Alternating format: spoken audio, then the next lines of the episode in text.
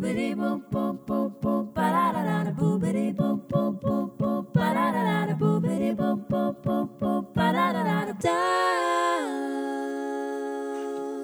för teknologisk innovation och etik, kallad KOMET, är en självständig kommitté under svenska regeringen, Näringsdepartementet. KOMET ska bidra till att skapa förutsättningar för både offentlig och privat sektor och använda ny teknik men ska också möjliggöra för Sverige att bli ledande på användning och ansvarsfull utveckling av framtidens teknologier. KOMET ska kontinuerligt leverera policyutvecklande förslag till regeringen och kartlägga behov av anpassning av regelverk.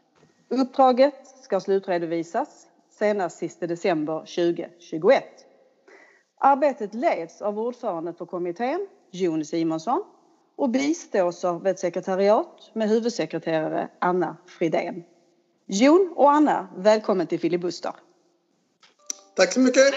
Tack så mycket. Dere har ju nu arbetat med kommittén i nära två år, stämmer det? Vi har arbetat i ett och ett halvt år på grund av regeringsbildningen hösten 2018. Så vi kom igång med första kommittémötet i februari för ett drygt ett, ett och ett halvt år sedan. Varför blev Komet etablerat och kan ni säga lite om ert uppdrag och mål? Mm, absolut. Under förra mandatperioden eh, i den svenska regeringen så skapade statsministern ett innovationsråd där man samlade olika aktörer från samhället. Eh, mycket man diskuterade i det här innovationsrådet var utmaningar som samhället står inför. Och FN kopplat till Agenda 2030-målen har pekat på att för att nå de här och hantera de här utmaningarna så måste man påskynda förnyelsen i samhället och mycket av förnyelsen i samhället bygger på innovation och ny teknik. Ofta är offentlig sektor inte riktigt riggad för den snabba omställningshastigheten så regeringen tillsatte kommittén för att skynda på balanseringen och behovet av ny teknik men också en ansvarsfullhetsdimensionen kopplat till ny teknik. Så det var bakgrunden till regeringens beslut att hitta hjälp att adressera den snabba teknikutvecklingen. Och så är det ju så att det här eh, som du nämner också den här tjappa utvecklingen av teknologi också kräver att eh, man får riktig kunskap in i deras arbete. Och då kräver det en god förankring på flera olika nivåer, både regional och nationellt tänker jag. Berätta lite om hur arbetet är organiserat. Jag vet ni har ledamöter och referensgrupp och så vidare. Absolut, det har vi och vi, vi jobbar ju på, på, flera plan för att just få den här lite förankringen och input på olika sätt. Men vi har ju en kommitté som är beslutande som för, för allt arbete, det vi lämnar ifrån oss, så fattar de beslut och styr upp vad det är vi ska göra. Och där är ju Jon ordförande och sen har vi ju eh, fem ledamöter därutöver och de är ju utsedda av regeringen och, och står mycket för det här med avvägningar och beslut. Eh, vi har ju en mixad kompetens i gruppen för att, för att få för, för, att få de här avvägningarna att fungera. Vi har teknikkompetens, vi har juridisk kompetens och förvaltning, alltså från kompetens som är mycket erfarenhet av, av den offentliga utvecklingen och arbetet inom myndigheter och inom regeringskansli. Eh, sen har vi ju sekretariatet som gör mycket av det verkställande arbetet. Eh, där har vi också mixad kompetens med juridik och teknisk kompetens. Eh, och sen så har vi knutit en referensgrupp till arbetet som ska mycket hjälpa oss med de här olika perspektiven och den är mycket bredare och större. Där har vi, hur många har vi Jon? 20, 25 ledamöter? Ja, 15-20 är vi väl. Ja, precis. Från arbetsgivarparter och allt möjligt. Ja, så där, så där har vi ju en mix av väldigt olika, som, som Jon sa, akademi, näringsliv, fackliga företrädare, men vi har också en historiker, vi har en journalist, eh, forskare, en landshövding för att liksom få den här bredden och få samhällsperspektiven eh, eh, belysta i arbetet. Eh, och så eh, säger regeringen också att eh, ert arbete ska då realisera hållbarhetsmålen i Agenda 2030 och så ska ni utveckla svensk konkurrenskraft som ju många länder gärna sätter på agendan det här utvecklingen av konkurrenskraft. Men vilka prioriteringar gör ni i arbetet? Ja, det, vi, vi, vi har ett utredningsdirektiv, som, eller kommittédirektiv som skriver, beskriver lite vad det är vi ska arbeta med. Um, och då har man pekat ut att vi ska jobba just med de här sektorsövergripande pol policyutvecklingen och där, där teknik, de tekniska lösningarna kan bidra till de här strukturomvandlingarna och bidra till, till hållbarhetsmålen, klimatomställning, hälsa och life science och så. Um, och regeringen har även utsett såna här samverkansområden. Ehm, och där har du ju Eh, näringslivets klimatomställning som ett prioriterat område. Du har näringslivets digitala omställning och du har hälsa och life science och kompetensutvecklingsfrågor som fyra områden. Och de här blir ju viktiga för, även för vårt arbete i prioriteringsarbetet helt enkelt. Um, så de sätter vi, kallar vi lite tillämpningsområden eller områden som, som, som teknikområden eller tillämpningsområden. Men sen har vi fyra generella arbetsspår som vi har prioriterat där vi ser att vi behöver arbeta. Och det, ena, det första är just ansvarsfull teknikutveckling. Vad menar vi med det och vad innebär det? Och vad behöver man göra för avvägningar för att få den här ansvarsfulla utvecklingen där vi menar att etik och hållbarhet är liksom grundpelare men även då möjligheter för svenskt näringsliv utifrån konkurrenskraft.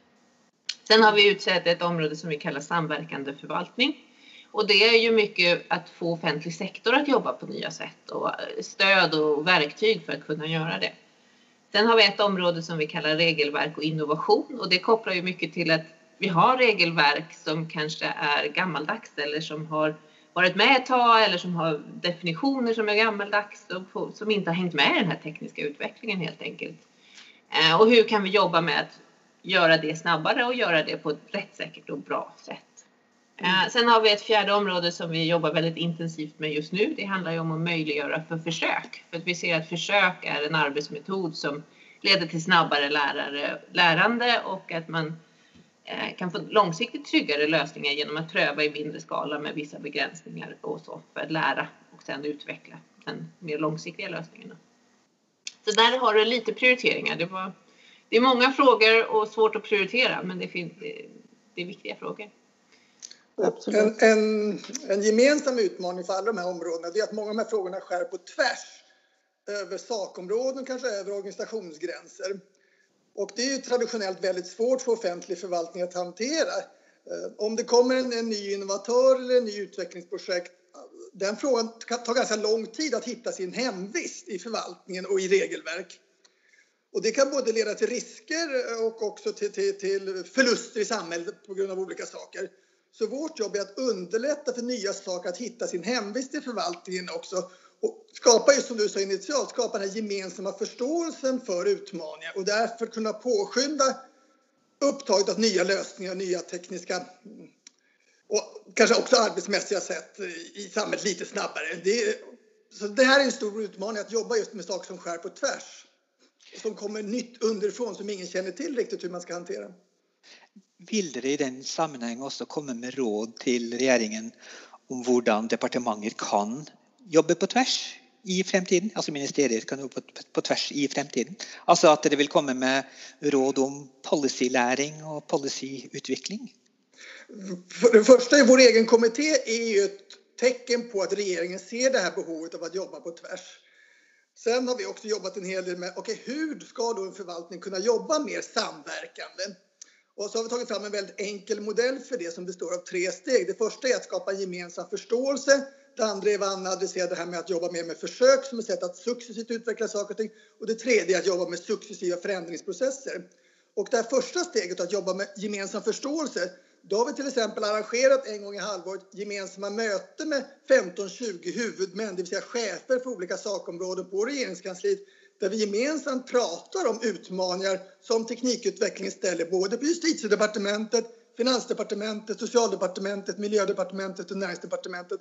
Så det är ett sätt att skapa en gemensam probleminsikt. Eh, och det är grunden för att sen kunna agera, att man har ungefär en gemensam syn på saker och ting. Och sen som Anna sa också så måste man då, eh, vi tror att det är väldigt mycket tryggare att jobba via prov och försök och tester i liten skala för att pröva nya tekniska lösningar och nya arbetssätt. Istället för att jobba med nationella initiativ direkt så kan man prova i en region eller kommun eller ett visst sakområde. Så att hitta sådana arbetssätt som successivt skapar evidens och lärande och gör det på en mindre skala, det tror vi är väldigt viktigt. Och det ser också flera länder. Tyskland lägger rätt mycket krut på det. England jobbar på det sättet också. Men det går ju ganska mycket emot statlig förvaltnings grundidé att man ska behandla alla lika och så vidare.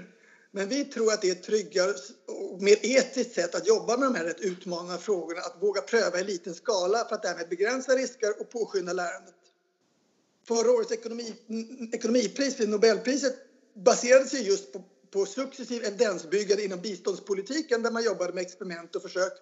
Och vi ser att det bör man kunna tillämpa inom alla olika politikområden. Men det, det, det är inte helt tryggt för, för en myndighetschef eller en politiker att testa, experimentera. För många saker kommer kanske inte riktigt gå som förväntas. Hur hanterar man då den ekonomiska förlust som kanske blev? Hur drar man nytta av det lärandet som ändå blev trots att utfallet inte blev det, det förväntade? Så det finns många utmaningar med den typen av arbetssätt. Eh, Jon, det du är inne på nu med att samarbeta på tvärs och skapa synergier Ehm, när det gäller koordinering av deras arbete, till exempel har ju statsministern ett innovationsråd sedan några år tillbaka och vi har ju en ganska ny myndighet i Sverige också som heter DIGG, är akronymen, Myndigheten för digital förvaltning. Och så vet vi ju som Dere nämnde att eh, även vår nationella innovationsmyndighet Vinnova jobbar med området. Hur säkrar ni en god eh, koordinering i ert arbete och att ni undviker dubbelarbete på nationell och regional nivå? Vi samarbetar ju mycket med olika myndigheter. Eh, vi samarbetar väldigt, väldigt mycket nära Vinnova till exempel när det gäller innovationsinsatser och alla saker i princip som vi föreslår regeringen de förankrar vi och bygger konsensus runt innan vi skickar de förslagen till regeringen. Eh, för tydlighets skull vill jag också säga att Komet jobbar inte specifikt med offentlig sektors egen digitalisering utan det är DIGG-myndighetens ansvar. Däremot har vi en rätt tät interaktion med generaldirektören Anna Eriksson på DIGG där vi ser att vi kan hjälpas åt för att adressera olika utmaningar. Ett sådant exempel är att DIGG arrangerade för ett antal veckor sedan Hack the Crisis som ett sätt liksom att mobilisera intresse för lösningar kopplat till coronautmaningen.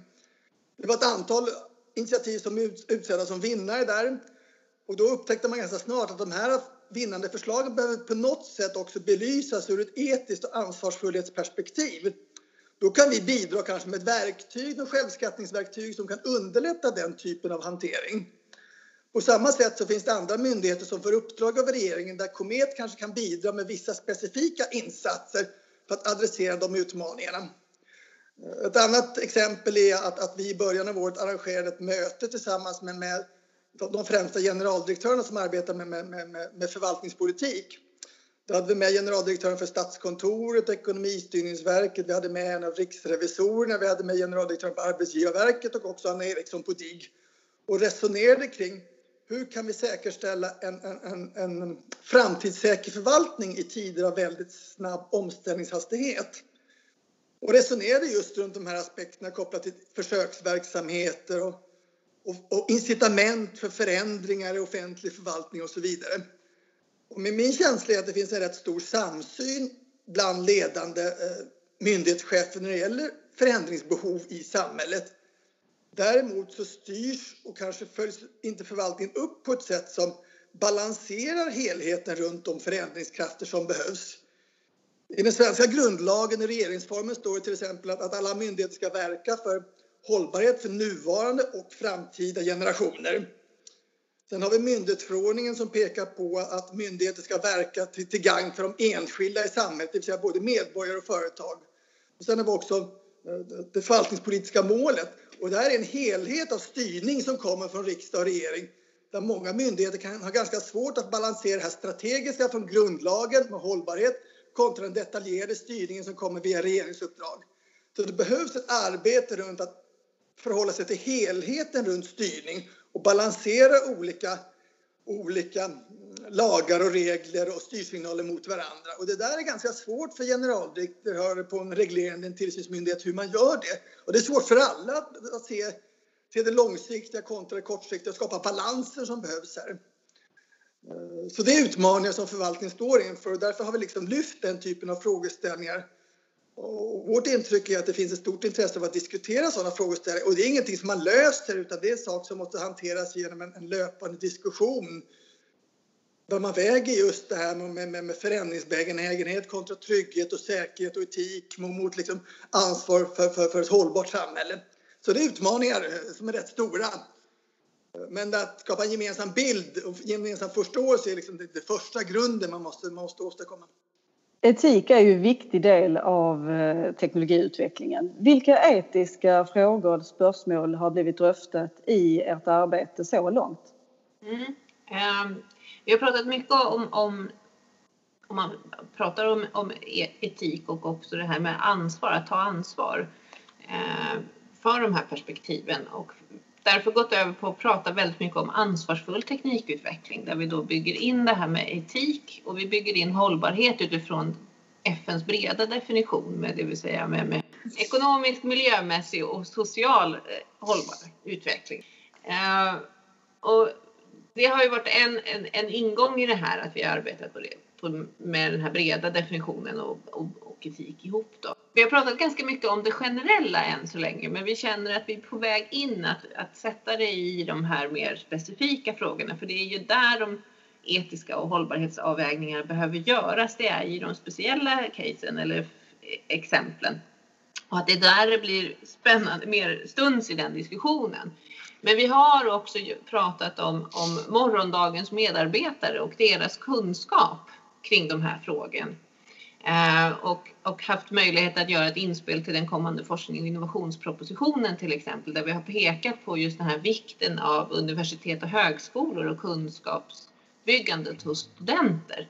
Eh, och målet är, för dem bör ju att de i sitt yrkesliv ska kunna bidra till ansvarsfulla produkter och ha med sig det ut på arbetsmarknaden när de är klara.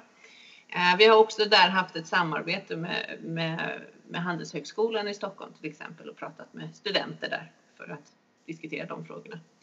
Eh, men ett mål vi har är ju då att öka kunskapen hos både hos de som ska utveckla och använda ny teknik när det gäller etik och hållbarhet och hur man kan kombinera det med ny ny teknik och nya affärsmodeller. Um, och då är ju det här med, som vi har varit inne på flera gånger nu och pratat om, om det här med försök. Att jobba med det konkreta exemplet i mindre skala för att lära om de här perspektiven så att man inte gör en stor lösning och inser att det, och att det är många som drabbas. Men sen också verkligen belysa individens ansvar har ju varit en sån viktig fråga. Där finns det också en dimension kopplat till etik och ansvarsfullhet att ny teknik blir ofta ett storstadsfenomen. Det är, det är de stora städerna som elskotrarna kommer, det är de stora städerna som nya lösningar kommer där det finns en tydlig marknadsefterfrågan. Och vi ser också ett behov av att skapa de här samtalen runt konkreta utmaningar och konkreta nya lösningar också i mindre kommuner och på landsbygden och så vidare. Och då ser vi att, att för att få med då en mindre kommun eller en mindre region på det här så måste man jobba mycket mera med de konkreta frågorna, att pröva någonting lokalt, pröva någon självkörande lösning eller någon drönarsak eller någon ny applikation inom vård och omsorgen till exempel.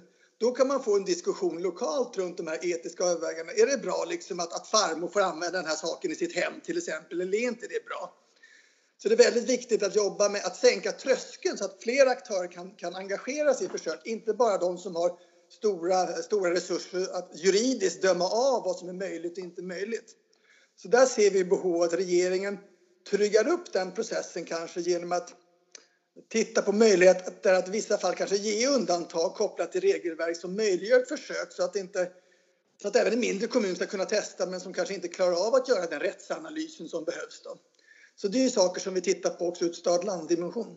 Ehm, jag tänker att eh, ni har en omvärldsanalys som ni, eh, eller omvärldsbevakning kallar ni det, som ni publicerar eh, löpande här. Eh, om ni får eh, välja, vilka länder tittar ni på för att få inspiration till ert arbete? Eh, de länder som vi huvudsakligen är intresserade av det är länder som också, precis som Sverige, befinner sig ganska långt fram innovationsmässigt och som märker att för att få en samhällsförändring för att hantera miljöutmaningen, hälsoutmaningen eller digitaliseringsutmaningen så måste också helheten i samhället takta. Då måste liksom incitament inom offentlig sektor och andra och civilsamhället för att kunna vara medaktörer öka.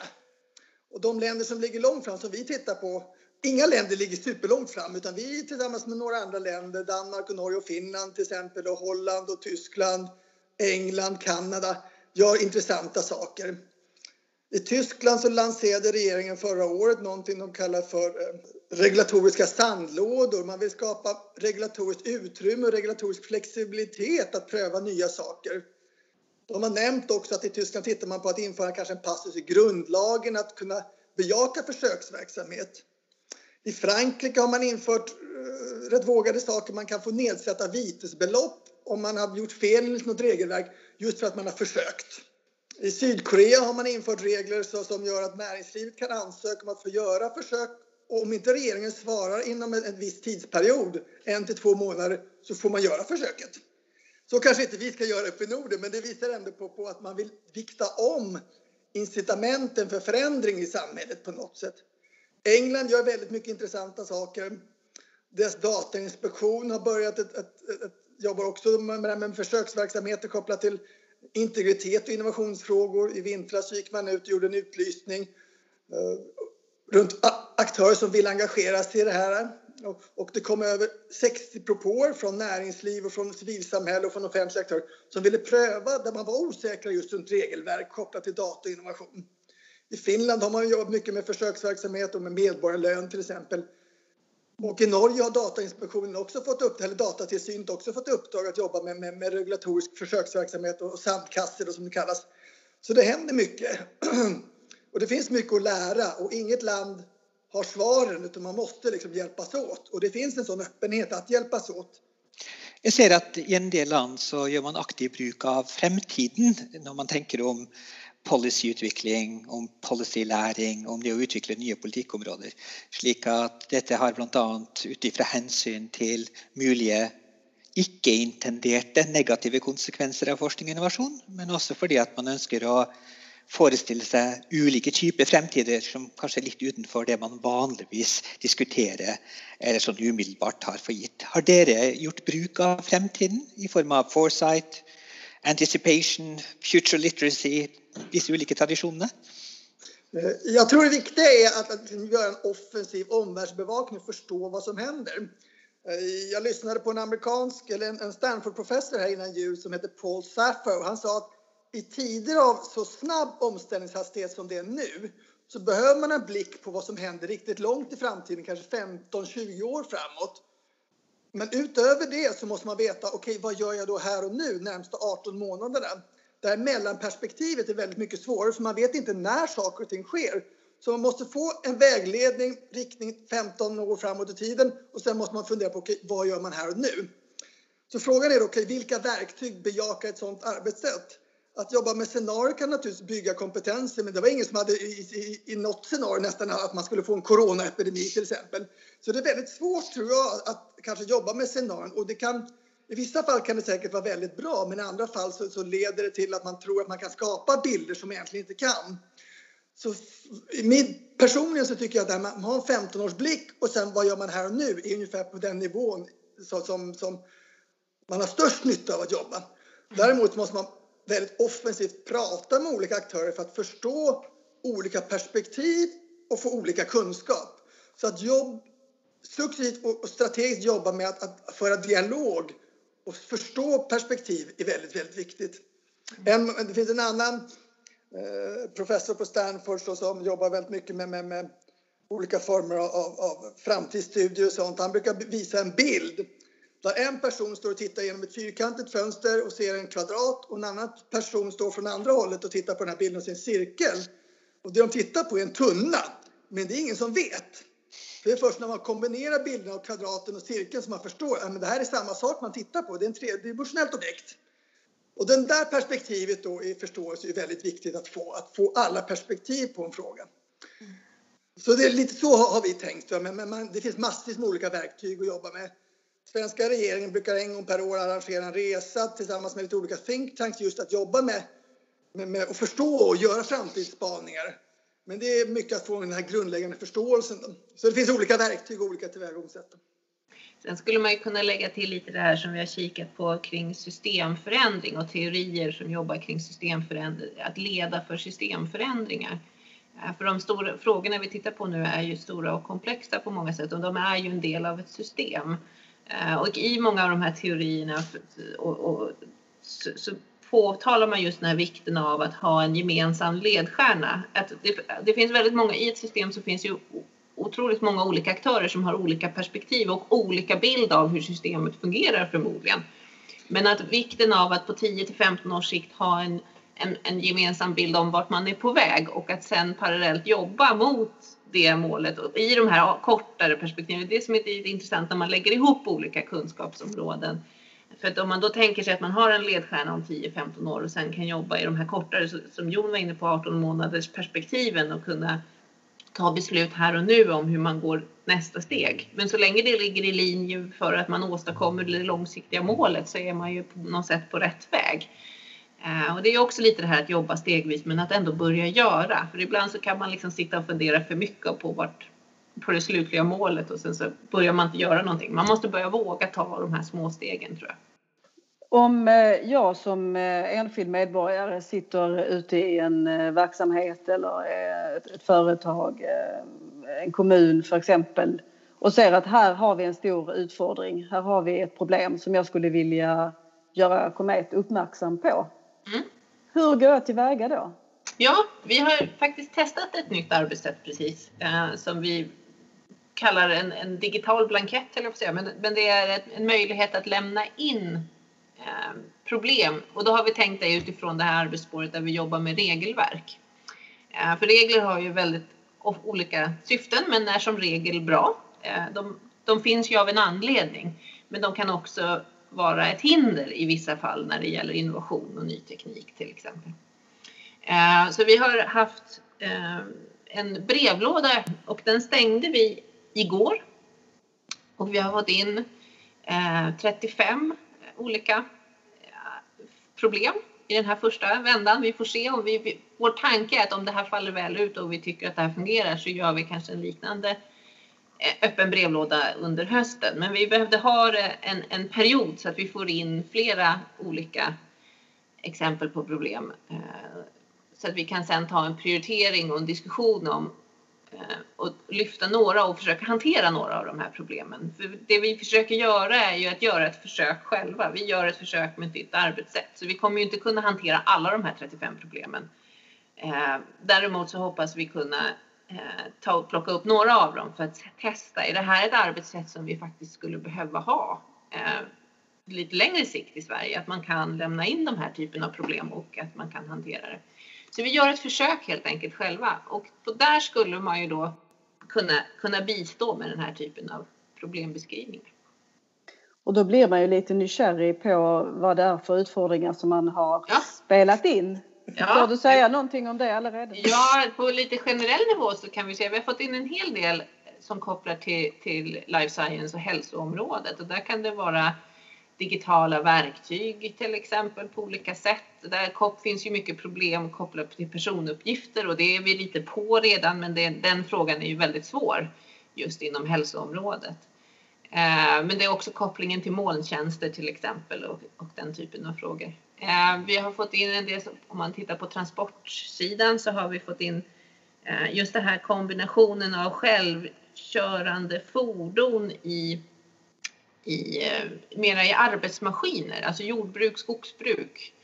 Eh, där man har svårigheten just att köra maskinerna oövervakade. Den stora personalvinsten är ju att maskinen kan jobba och man kan gå och göra något annat. Men den frågan har kommit upp. Och sen så finns det en del som kopplar till andra transportlösningar vi har fått in från en kommun i Sverige kopplat till, till liksom, eh, kommunens ansvar och eh, möjligheten att främja nya transportlösningar. Eh, så det ska bli väldigt spännande att kika lite djupare i de här vi ska börja det arbetet nu och verkligen djupdyka och se om man kan kategorisera dem lite för det finns nog flera som är, av de här 35 som är faktiskt lite liknande problem också. Så det ska bli intressant att, att utvärdera och sen den 26 juni tar vi, ska vi försöka ta beslut då om vilka vi försöker hantera under hösten. Och då tror jag att vi i Norden kanske inte kan bli snabbast när det gäller teknikutvecklingen, men vi kanske kan bli bäst på ansvarsfull teknikutveckling. Sen tror jag en stor utmaning är det här med att vi måste alla våga. Nya saker är ju lite läskiga. Framförallt i offentlig sektor att våga pröva nytt. Vi måste våga helt enkelt. Det är enda sättet vi kommer, liksom, som Anna säger, närma oss ett hållbart samhälle på ett bra sätt. Och om det är några länder i världen man borde kunna våga när vi har, det är i de nordiska länderna där det finns väldigt väl utbyggda välfärdssystem och trygghetssystem och så vidare. Så vi har ju alla förutsättningar att ganska proaktivt närma oss de här sakerna, även om det påverkar ibland jobb och ibland andra saker. Så vi är ovanligt väl för, har goda förutsättningar i de, alla de nordiska länderna för de här frågorna. Så om det är några som, som, som, borde kunna lösa det så är det vi. Och det finns flera länder som tittar just uppåt norra Europa för att se okay, hur löser hela samhället de här utmaningarna. Då måste man lösa dem tillsammans. Privat näringsliv, forskning, mm, eh, samhället i stort och offentlig sektor. Så det finns goda förutsättningar, men vi måste ha lite mer eld i baken. Det tycker jag var fina avslutande ord, eld i baken, för det här samtalet. Dette har vært en episode av Filibuster, en podkast som utgis av fagbladet Forskningspolitikk og forskningsinstituttet NIFU. Vertskap er Petra Andersen og Per Kokk. Du finner mer om bladet og podkasten på fpol.no. Der kan du også abonnere på papirutgaven av Forskningspolitikk. Abonnementet er gratis. Kjenningsmelodien er fremført og komponert av Lene Andersen Vinje. Forskningspolitikk utgis med støtte av Norges forskningsråd. Boobidi, bo, bo, bo, bo,